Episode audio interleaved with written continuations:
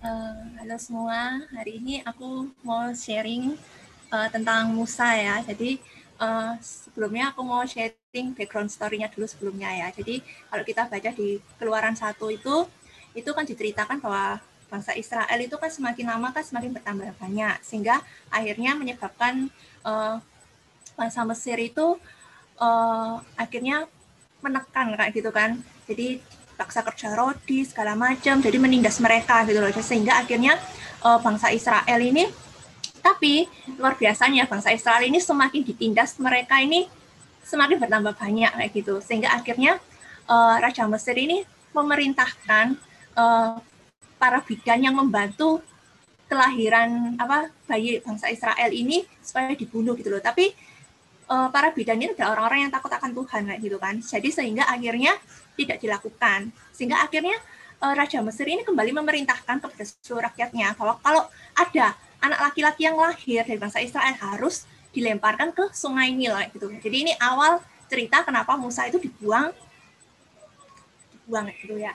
Terus uh, jadi uh, Musa ini dilahirkan dari sepasang uh, suami istri dari keluarga Lewi gitu dan setelah dilahirkan dia itu masih disembunyikan oleh orang tuanya itu selama tiga bulan dan selama dan karena sudah nggak bisa disembunyikan lagi, akhirnya orang tua Musa ini menaruh Musa di dalam suatu tempat di suatu peti gitu kan, akhirnya ditaruh di tepi sungai Nil gitu. Dan bukan juga suatu kebetulan juga bahwa waktu itu juga putri Firaun itu datang untuk mandi gitu. Terus ketika dilihat ada sebuah peti, putri Firaun ini menyuruh hamba perempuannya itu untuk melihat gitu, apa sih isi peti itu gitu. Dan ternyata ketika dibuka peti itu ternyata ada seorang anak kayak gitu, ada seorang anak dan akhirnya muncul rasa belas kasihan pada diri putri Firaun ini. Sehingga akhirnya anak ini diambilnya sebagai anak angkat dan dinamakannya Musa yang artinya karena aku telah menariknya dari air. Nah, di sini uh, otomatis ketika semakin beranjaknya Musa itu dewasa ya, dia itu pasti kan ada kepikiran gitu ya. Oh, namaku ini Musa ya, artinya di aku telah menariknya dari air. Otomatis uh, dalam pikiranku pasti Musa nih tahu bahwa dia ini uh, ditemukan di air gitu kan. Pasti ada beberapa pertanyaan di dalam diri Musa. Kenapa ya kok orang tua aku ini membuang aku gitu? Uh, kok nggak menginginkan aku? Kenapa aku nggak dipertahankan? Pasti banyak pikiran-pikiran seperti itu di dalam diri Musa kayak gitu kan. Dan aku merasa ini kayak uh, penolakan yang diterima Musa yang pertama uh, dari orang tuanya. Walaupun apa pun alasannya pasti kok seorang anak ketika tahu seperti itu pasti dia masa jangan-jangan orang tuaku nggak nggak menginginkan aku ya kayak gitu. Terus uh, ketika kita baca lagi ada di keluaran 2 di ayat 11 sampai uh, 13 14 gitu ya. Aku ceritain sedikit. Itu Musa itu ketika semakin berdewasa terus dia tuh melihat melihat sekeliling gitu ya. Terus menemukan ada seorang Mesir bertengkar dengan bangsa seorang bangsa Israel gitu setelah bertengkar ketika sedang ada orang, Musa ini akhirnya membunuh uh, salah satu dari uh, membunuh orang Mesir itu. Setelah itu dikuburkannya secara diam-diam juga. Besoknya Musa lagi lihat-lihat lagi, lihat-lihat ternyata yang kali ini bertengkar itu uh, sesama bangsa Israel. Nah, ketika kayak dilerai gitu, akhirnya bangsa Israel ini malah kembali uh, membalas gitu ya, bilang, kok siapa sih yang menjadikan kamu ini pemimpin atau hakim? bagi bangsa kita kayak gitu kan. Jadi kayak aku dapat ini Musa ini ya dia tuh berusaha untuk membela bangsanya sendiri bangsa Israel. Tapi kok sikap perlakuan nih mereka ini ya kok kayak gini gitu loh. Dan uh, kayak dia tuh juga menerima perlakuan yang di mana ditolak oleh bangsanya sendiri. Padahal aku sudah belani sudah aku berusaha membela. Tapi kok uh, sikap mereka seperti itu kayak gitu kan. Jadi aku merasa ini Musa tuh mengalami penolakan tuh nggak hanya sekali dari orang tuanya, tapi juga mengalami penolakan dari bangsanya sendiri, yang bahkan dia sudah berusaha menolong, tapi bangsanya yang memperlakukan dia seperti itu. Belum lagi karena membela bangsanya, dia membunuh uh, bangsa Mesir kayak gitu kan salah satu dari bangsa Mesir, di mana bangsa Mesir ini juga orang yang membesarkan dia otomatis kan. Dan ketika diketahui oleh Firaun saat itu juga, nah Firaun marah kan otomatis dan ingin membunuh Musa kayak gitu. Dan benar-benar ini kayak Musa tuh sudah ditolak orang tuanya, ditolak bangsanya sendiri, ditolak keluarga yang membesarkan sendiri. Pasti ya kok jadi Musa tuh hidupnya tuh kayak aduh gimana ya Tuhan ya pasti hancur gitu loh dan pasti Musa ini pasti mikir ya kan uh, kok kenapa ya kok bisa terjadi kayak gitu? Terus kalau kita baca ya selanjutnya ya, apa yang dilakukan Musa ketika mengalami itu semua? Kita baca di Keluaran 2 ayat 15b ya. Uh, tetapi Musa melarikan diri dari hadapan Firaun dan tiba di tanah Midian, lalu ia duduk-duduk di tepi sebuah sumur. Nah, jadi ketika Musa mengalami kejadian seperti itu, Musa tuh takut dan akhirnya dia tuh melarikan diri. Setelah itu dia duduk-duduk di tepi sumur. Nah, aku kayak merasa dapat ini kok juga sering kali yang kita alami ya ketika kita mengalami masalah ataupun ditolak mengalami penolakan di mana pun kita berada, kayak seperti keberadaan kita di mana pun itu salah, nggak ada yang menginginkan kita. Terus uh, belum lagi juga apa uh, kita juga merasa kenapa kita melakukan perbuatan seperti itu kayak gitu kan. Jadi benar-benar kayak takut dan akhirnya usahakan melarikan diri gitu. Mungkin itu juga yang kita alami ketika kita menghadapi situasi yang sama. Kita mencari tempat untuk menyendiri nggak ada nggak ketemu orang terus kalau bisa ya mungkin karena kita malu atau kita nggak ingin orang tahu orang orang lain itu tahu apa yang kita alami kayak gitu. Dan itu pun juga mungkin juga terjadi dalam diri Musa. Nah ini benar-benar aku diingatkan kembali ketika kita mengalami setiap permasalahan dalam hidup kita kita tuh jangan apa diem-diem seorang diri ya karena diem-diem seorang sendirian itu sangat berbahaya. Aku kayak dapat gini jadi ketika kita diem-diem seorang diri pertama apa yang akan kita pikirkan kalau kita adalah orang yang takut akan Tuhan, otomatis yang kita pikirkan adalah setiap firman Tuhan dan Tuhan dalam kehidupan kita. Percaya Tuhan akan bantu kayak gitu kan. Pasti kita akan menguatkan diri kita saat itu. Tapi apa yang terjadi jika kita ini adalah orang yang uh, nggak deket sama Tuhan atau orang yang belum kenal sama Tuhan. Pasti yang kita pikirkan itu adalah masalah kita. Kenapa kita mengalami ini? Misalnya contohnya dalam Musa ya. Pasti kita mikirkannya Musa, aduh tau gitu ngapain aku menolong orang apa orang orang Israel ini. Kalau anda kata aku nggak menolong, nggak membunuh salah satu uh, orang Mesir ini, mungkin aku masih jadi seorang pangeran kayak gitu kan. Nah, tapi karena aku sudah melakukan ini, ya gimana? Sudah terlanjur nasi sudah menjadi bubur gitu kan. Jadi akhirnya dia malah melarikan diri dan bukan siapa-siapa. Dan dia juga nggak tahu ke depannya kehidupannya ini harus seperti apa. Otomatis kalau dia melarikan diri, ya bisa saja dia tidak bawa persiapan kan? Ya mungkin nggak bawa baju nggak bawa uang. Terus dia ini mau lari ke mana? Itu tujuan hidupnya akan ke bagaimana? Kayak seperti itu. Dan sekali lagi benar-benar kayak uh, diingatkan kayak gitu loh. Jadi apa pun uh, yang kita alami jangan sampai kita tuh diam-diam seorang diri. Ya ini kayak aku benar-benar ingatkan Soro sih. Terus uh, itu yang pertama. Terus kita lihat ya Terus ketika Musa tuh diam-diam, apa yang apa yang ketika Musa diam-diam, apa yang apa yang terjadi gitu ya. Kita baca di ayat 16. Adapun imam di Midian itu mempunyai tujuh anak perempuan. Mereka datang menimba air dan mengisi palungan-palungan untuk memberi minum kambing domba ayahnya. Jadi ini aku dapat bahwa uh, ketika Musa seorang diri, Tuhan itu mengirimkan seseorang. Dan begitu juga dalam kehidupan kita. Ketika kita mengalami masalah, Tuhan itu pasti datang dalam kehidupan kita. Tapi pada saat itu terjadi, ke mana arah pikiran kita? Pikiran kita ke Tuhan atau pada masalah kita? Tuhan pasti berbicara. Tapi ketika kita fokusnya ke masalah kita, kita itu pasti nggak akan mendengar suara Tuhan karena itu karena Tuhan tuh sayang sama kita dan Tuhan mau kita tuh istilahnya move on gitu ya dari masalah kita. Tuhan tuh pasti akan kirimkan seseorang supaya orang yang Tuhan kirimkan ini untuk bisa membawa kita itu kembali dekat sama Tuhan dan kita bisa kembali mendengar suara Tuhan dalam kehidupan kita gitu loh. Ini benar-benar kayak Tuhan tuh sungguh memperhatikan kita gitu jadi apa pun yang terjadi dalam masalah situasi apa pun Tuhan itu nggak pernah membiarkan kita seorang diri. Terkadang kayak kita tuh merasa kayak Tuhan itu nggak ada ya tapi sebenarnya itu Tuhan Tuhan itu ada. Tapi karena kita yang terlalu sibuk dengan diri kita sendiri dengan masalah kita sehingga itu membuat kita tuh seperti kayak buta akan itu semua gitu. Kita seperti kayak mata mata rohani kita ini kayak tertutup kayak nggak kelihatan kayak gitu. Dan aku juga uh, terus ya di ayat 17 kayak aku bacain ya. Maka datanglah gembala-gembala yang mengusir mereka Lalu Musa bangkit menolong mereka dan memberi minum kambing domba mereka. Jadi uh, di sini ya kan ada anak-anaknya dari anak perempuan dari Imam Yitro kan. Nah ini otomatis uh, ketika Musa sendiri Tuhan tuh mengirimkan anak anak perempuan dari Imam Yitro dalam kasusnya yang diceritanya Musa ini. Oh, sorry sorry. Terus uh, sebentar sebentar ya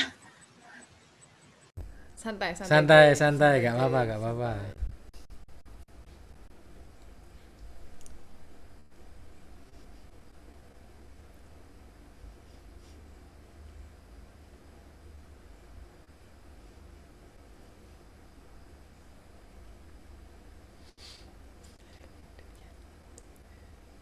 Sorry sorry. Tadi mama aku ngomong soalnya bentar gak apa-apa gak apa-apa. Santai santai di uh, terus habis gitu kan uh, diceritakan bahwa ketika anak perempuan Imam Hitro ini mau ngasih minum kambing dombanya kan datang gembala-gembala yang mengusir mereka kan nah terus yang dilakukan Musa itu bangkit menolong mereka dan memberi minum kambing domba. Jadi aku nih kayak di sini kayak belajar. Bahkan ketika situasi Musa saat itu sangat sulit, tapi dia itu nggak membiarkan masalah itu uh, terlalu di dalam dirinya gitu loh sehingga dia itu tetap mau memperhatikan sekelilingnya memperhatikan orang lain yang butuh pertolongan kayak gitu. Jadi dia nggak hanya fokus pada dirinya sendiri. Aku ini benar-benar belajar kayak gitu loh. Dan apa Musa tuh punya pilihan loh. Dia tetap diam tidak menolong atau dia mau menolong. Dia ada pilihan untuk itu. Tapi benar-benar Musa ini memiliki hati di mana uh, dia tuh mau menolong orang lain gitu jadi kayak benar-benar kayak Musa ini tahu hati apa kerinduan kayak hati Tuhan untuk menolong orang lain sehingga uh, ketika dan Tuhan pun juga menjawab apa menjadi kebutuhan Musa saat itu kan? Kita juga tahu kan uh, apa yang seperti yang biasa diomong ya kalau ada visi ada ada provisi gitu kan. Dan kita kan tahu bahwa Musa ini dalam waktu saat itu tuh dalam masa pelarian kan. Otomatis dia tuh nggak memiliki apa pun juga nggak tahu tujuan hidupnya ke arah mana. Tapi ketika Musa ini fokusnya bukan pada hal itu tapi fokusnya kepada uh, apa menolong orang lain, menolong pada saat kan dalam cerita ini kan menolong anak perempuan dari Imam Yitro yang saat itu kesusahan, dia nggak peduli apa, apa yang terjadi dalam hidupnya, dia tetap menolong, benar-benar itu mengubah, akhirnya mengubah kehidupannya. Karena dia menolong ini, kalau kita baca di kelanjutannya ya, di ayat 18 ya, tak bacain. Ketika mereka sampai kepada Rehuel, ayah mereka, berkatalah ia, mengapa selepas itu kamu pulang hari ini? Jawab mereka, Seorang Mesir menolong kami terhadap gembala-gembala, bahkan ia menimba air banyak-banyak untuk kami dan memberi minum kambing domba. Ia berkata kepada anak-anaknya, di manakah ia? Mengapa kamu tinggalkan orang itu? Panggillah dia makan. Ayat 21, Musa bersedia tinggal di rumah itu, lalu diberikan Rehuela Zibora, anaknya kepada Musa. Nah, di sini kayak uh, karena Musa tuh akhirnya menolong anak perempuan dari Imam Yitro. Akhirnya Imam Yitro ini malah mengajak Musa untuk tinggal makan dan bahkan tinggal bahkan jadi menantu. Itu kayak wah luar biasa ya. Pada saat itu jika keputusan Musa saat itu dia nggak mau menolong diem-diem ya nggak ada cerita bakal kelanjutannya kisah Musa ini mungkin nggak ada gitu ya. Aku ya nggak tahu Musa ngapain gitu. Tapi karena Musa saat itu memilih untuk menolong uh, dari anak perempuan Imam Yitro ini tanpa memperdulikan dirinya sendiri sehingga benar-benar Tuhan itu menjaga hidupnya gitu. Tuhan itu memberikan pertolongan dalam hidup Musa gitu loh. Tepat pada waktunya ketika Musa itu butuh gitu loh.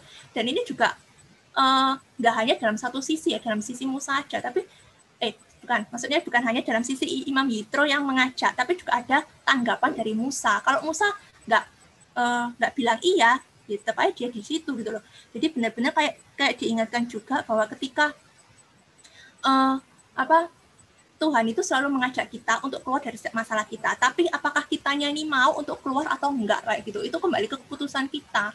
Kalau kita tetap diam berdiri di, di masalah itu ya kita samanya nggak akan keluar, tetap akan diam saja kayak gitu kan. Kan uh, aku juga ingat di Mazmur 37 ayat 24 apabila ia jatuh tidaklah sampai tergeletak sebab Tuhan itu menopang tangannya. Jadi benar-benar kayak uh, diingatkan lagi bahwa seberapapun sulitnya kehidupan kita, masalah apa pun yang kita alami, Tuhan itu nggak pernah membiarkan sendiri dan nggak akan biarkan kita jatuh. Ting tinggal kita ini mau menerima pertolongan Tuhan apa enggak gitu. Jadi pertolongan Tuhan itu ada ada dua sisi ya. Jadi nggak hanya uh, ya Tuhan itu pasti menolong, tapi kalau kita tidak meresponi ya bagaimana cara Tuhan untuk bisa menolong kayak gitu. Dan uh, aku pun juga kayak oh, sharing ya, sharing uh, jadi kayak aku tuh dapat ketika beberapa waktu yang lalu tahun lalu mungkin ya aku lupa. Jadi aku nih terkunci di dalam kamar mandi tengah malam jam 12 malam hampir setengah satu malam.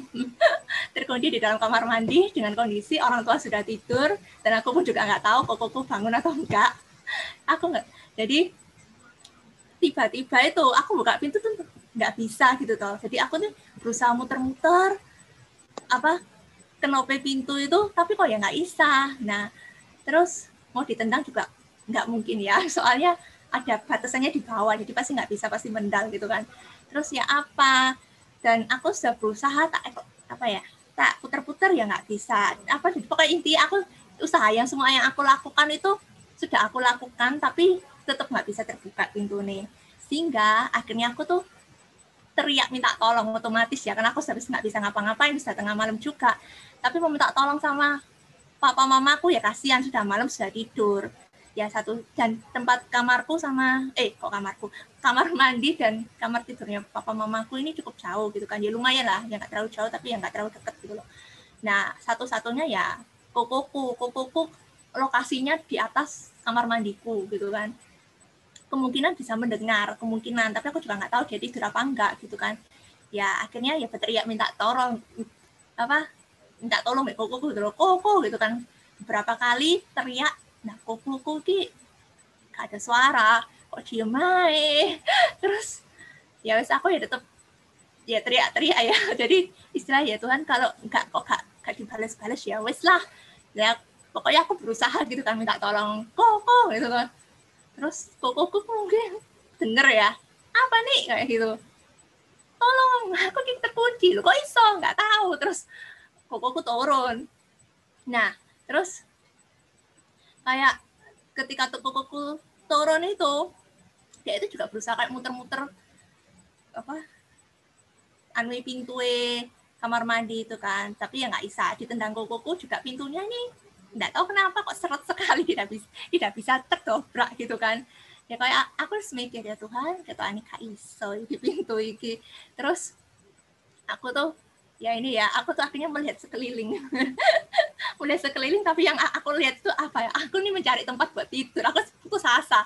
Di sekitar aku gak mungkin bisa kebuka aja aku paling seharian tidur di dalam kamar mandi gitu ya dan kamar mandi kan kecil jadi otomatis aku harus mencari tempat entah itu duduk atau gimana sih pasti aku bisa tidur.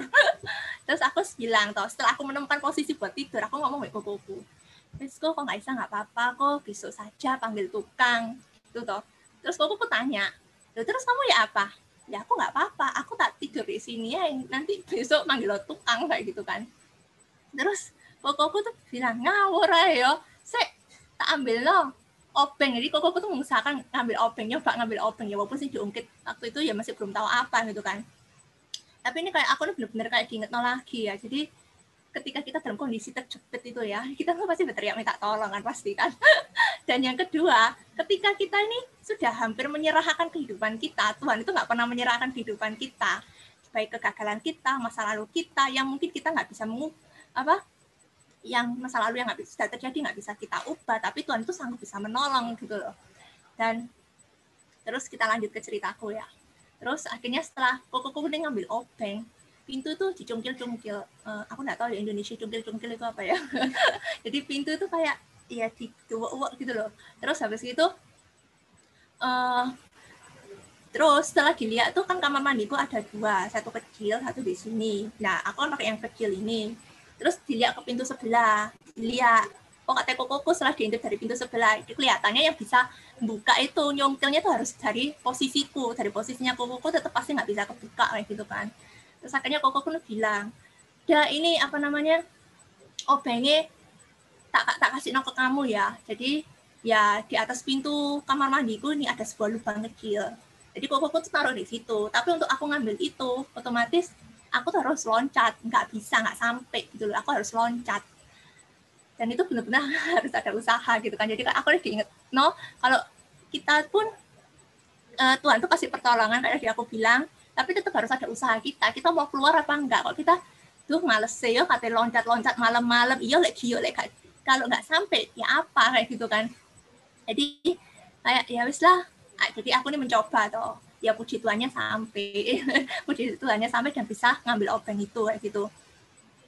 Dan apa namanya itu habis aku dapat obengnya itu ya aku coba kayak gitu kan. Coba ngambil ya asli itu aku nggak ngerti sih dicung sing dicungkil itu yang mana tuh aku nggak ngerti. Aku aku ngawur. Sana nggak bisa sini nggak bisa ya pokoknya tak coba segala macam. Akhirnya ya puji Tuhan bisa kayak gitu kan. Jadi kayak aku nih kayak bener-bener dapat kayak uh, dari sharing sing tak alami ini itu kayak aku tuh bener-bener dapat bahwa ketika kita mengalami masalah Tuhan tuh pasti tolong. Tapi satu Tuhan tuh mau kita sama-sama berpartner sama Tuhan untuk menjalaninya. Nggak bisa seorang diri kayak gitu nggak bisa. Kayak apa uh, Tuhan pun juga bilang di Matius 11 ayat 28, marilah kepadaku semua yang letih lesu dan beban berat. Aku akan memberikan kelegaan kepadamu. Kita tetap harus datang ke Tuhan, karena di dalam Tuhan itu pasti ada pertolongan kita, kayak gitu kan. Dan pastinya juga seperti kayak di Yesaya 40 ayat 31, tetapi orang-orang yang menanti-nantikan Tuhan akan mendapatkan kekuatan baru. Mereka seumpama Raja Wali yang naik terbang dengan kekuatan sayapnya, mereka berlari dan tidak menjadi lesu, mereka berjalan dan tidak menjadi lelah. Kayak itu ya terus uh, sharing sedikit lagi. Jadi uh, aku tuh kayak dapat ya di sini ya kalau kita baca di berikut berikutnya di ayat-ayat berikutnya itu kayak aku dapat bahwa ketika Musa ini tinggal sama Imam Yitro Musa ini semakin kenal Tuhan gitu loh. Dan pastinya karena Imam Yitro ini seorang imam ya otomatis kayak uh, Musa ini dikembalakan oleh Imam Yitro gitu kan. Dan benar-benar Musa tuh akhirnya benar-benar mengalami pemulihan gitu loh di dalam hidupnya sehingga Musa tuh bisa dipakai Tuhan tuh akhirnya kalau kita baca nantinya tuh uh, dipakai Tuhan itu secara luar biasa gitu loh.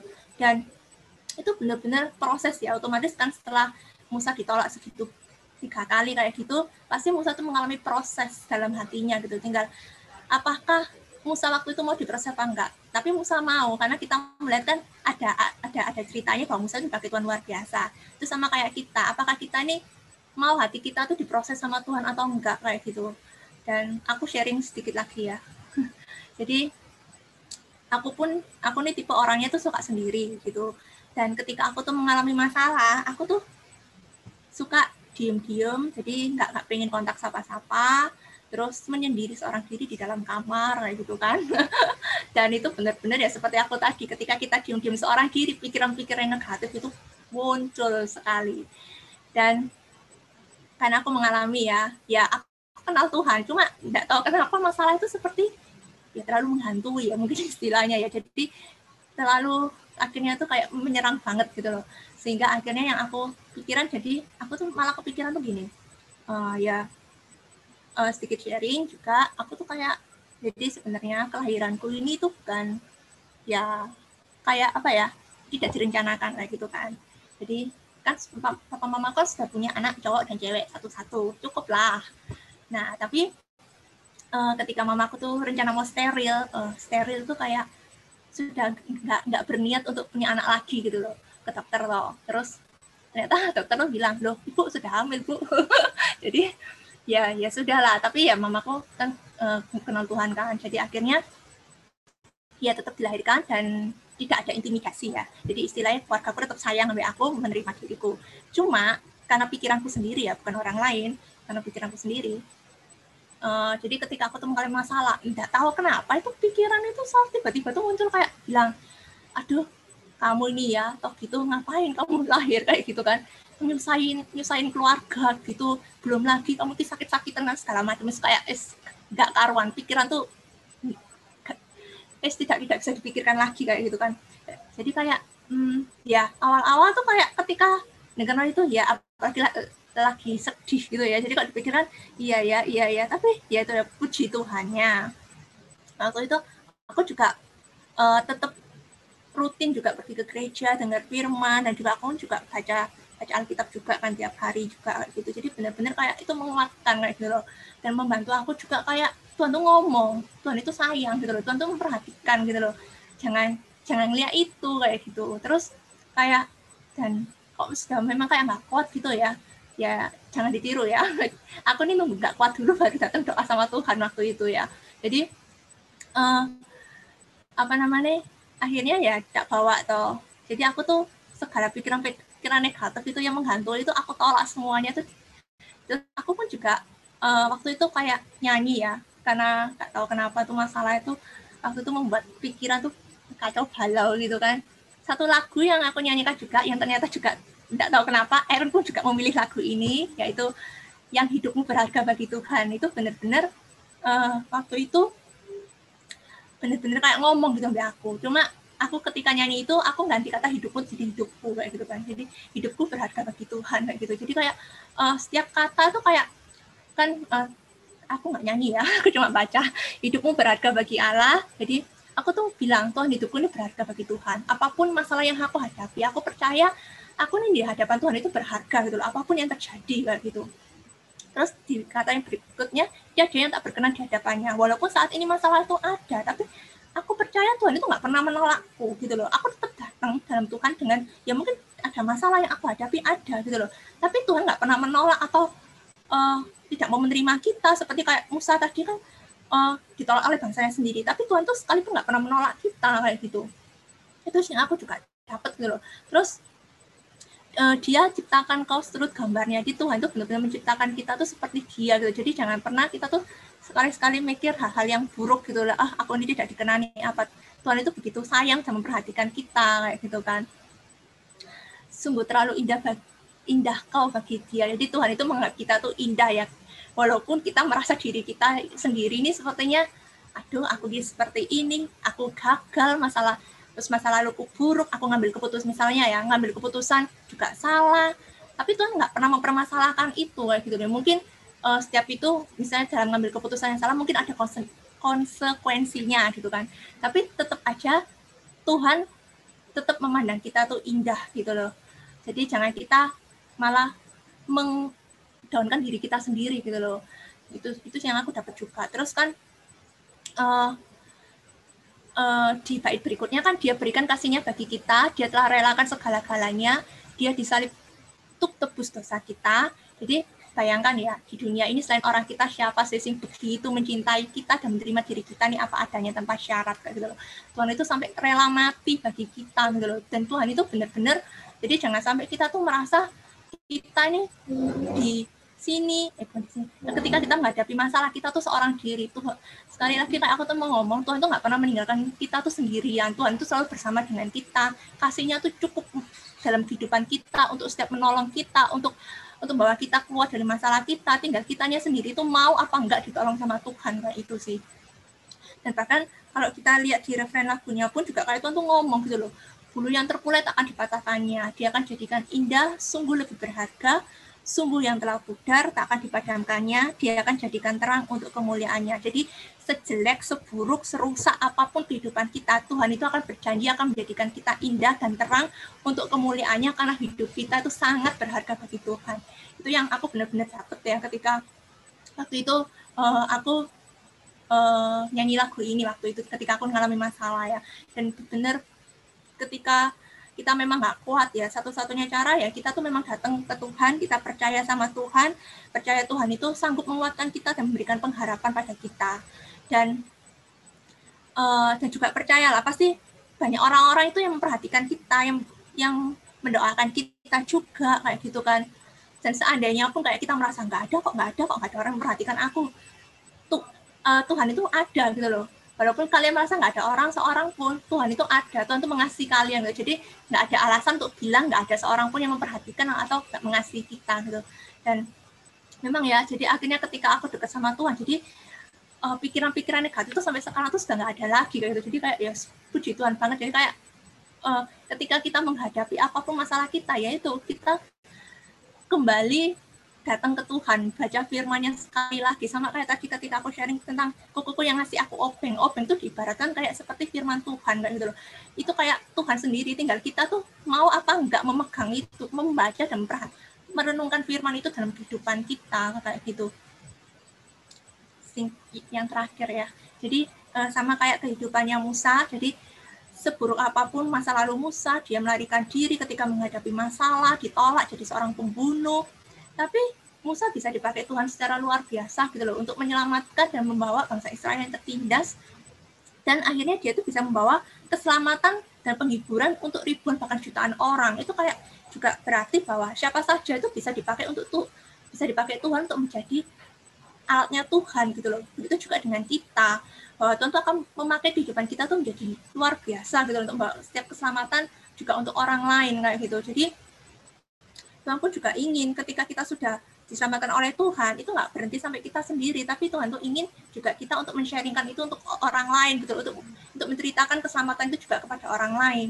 Sama seperti di Matius 28 ayat 19 karena itu pergilah jadikanlah semua bangsa murid muridku dan baptislah mereka dalam nama Bapa dan Allah dan Roh Kudus gitu. Jadi itu sharingku hari ini. Jadi ingat bahwa setiap hidup kita itu berharga. Tuhan mengasihi dan terima kita apa adanya. Karena itu jangan sia-siakan kehidupan kita. Yang masa lalu, kegagalan, atau mungkin tahun lalu menghadapi masalah apa pun, ataupun sekarang masih digumulkan, tetap Tuhan itu mengasihi dan memperhatikan kita. Jangan khawatir, pasti Tuhan akan menolong kita tepat pada waktunya. Dan mari sama-sama bawa kehidupan kita untuk lebih dalam lagi bersama dengan Tuhan. Itu aja. Mari kita sama-sama berdoa ya. Haleluya.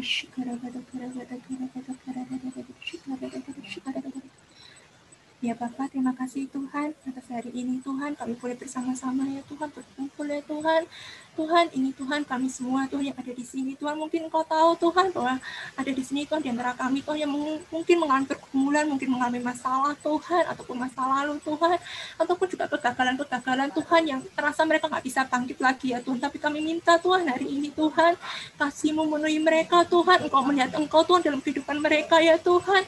Kami percaya Tuhan Engkau memperhatikan mereka satu persatu ya Tuhan dan setiap apa pun ya Tuhan mereka alami Tuhan ada Engkau Tuhan. Kami percaya Tuhan hidup mereka tuh berharga tuh ada hadapanmu engkau sanggup memulihkan ya Tuhan bahwa mereka Tuhan semakin hari semakin mendekat dan mengenal engkau Tuhan dan juga merasakan keberadaanmu Tuhan di dalam kehidupan mereka terima kasih Yesus terima kasih kami berserah Tuhan seutuhnya ke dalam tanganmu ya Tuhan. Kami ingin Tuhan lebih lagi masuk Tuhan di dalam Engkau ya Tuhan. Terima kasih Bapa. Kami terima semuanya Tuhan di dalam nama Allah Bapa, Putra dan Roh Kudus. Haleluya. Amin. Amin.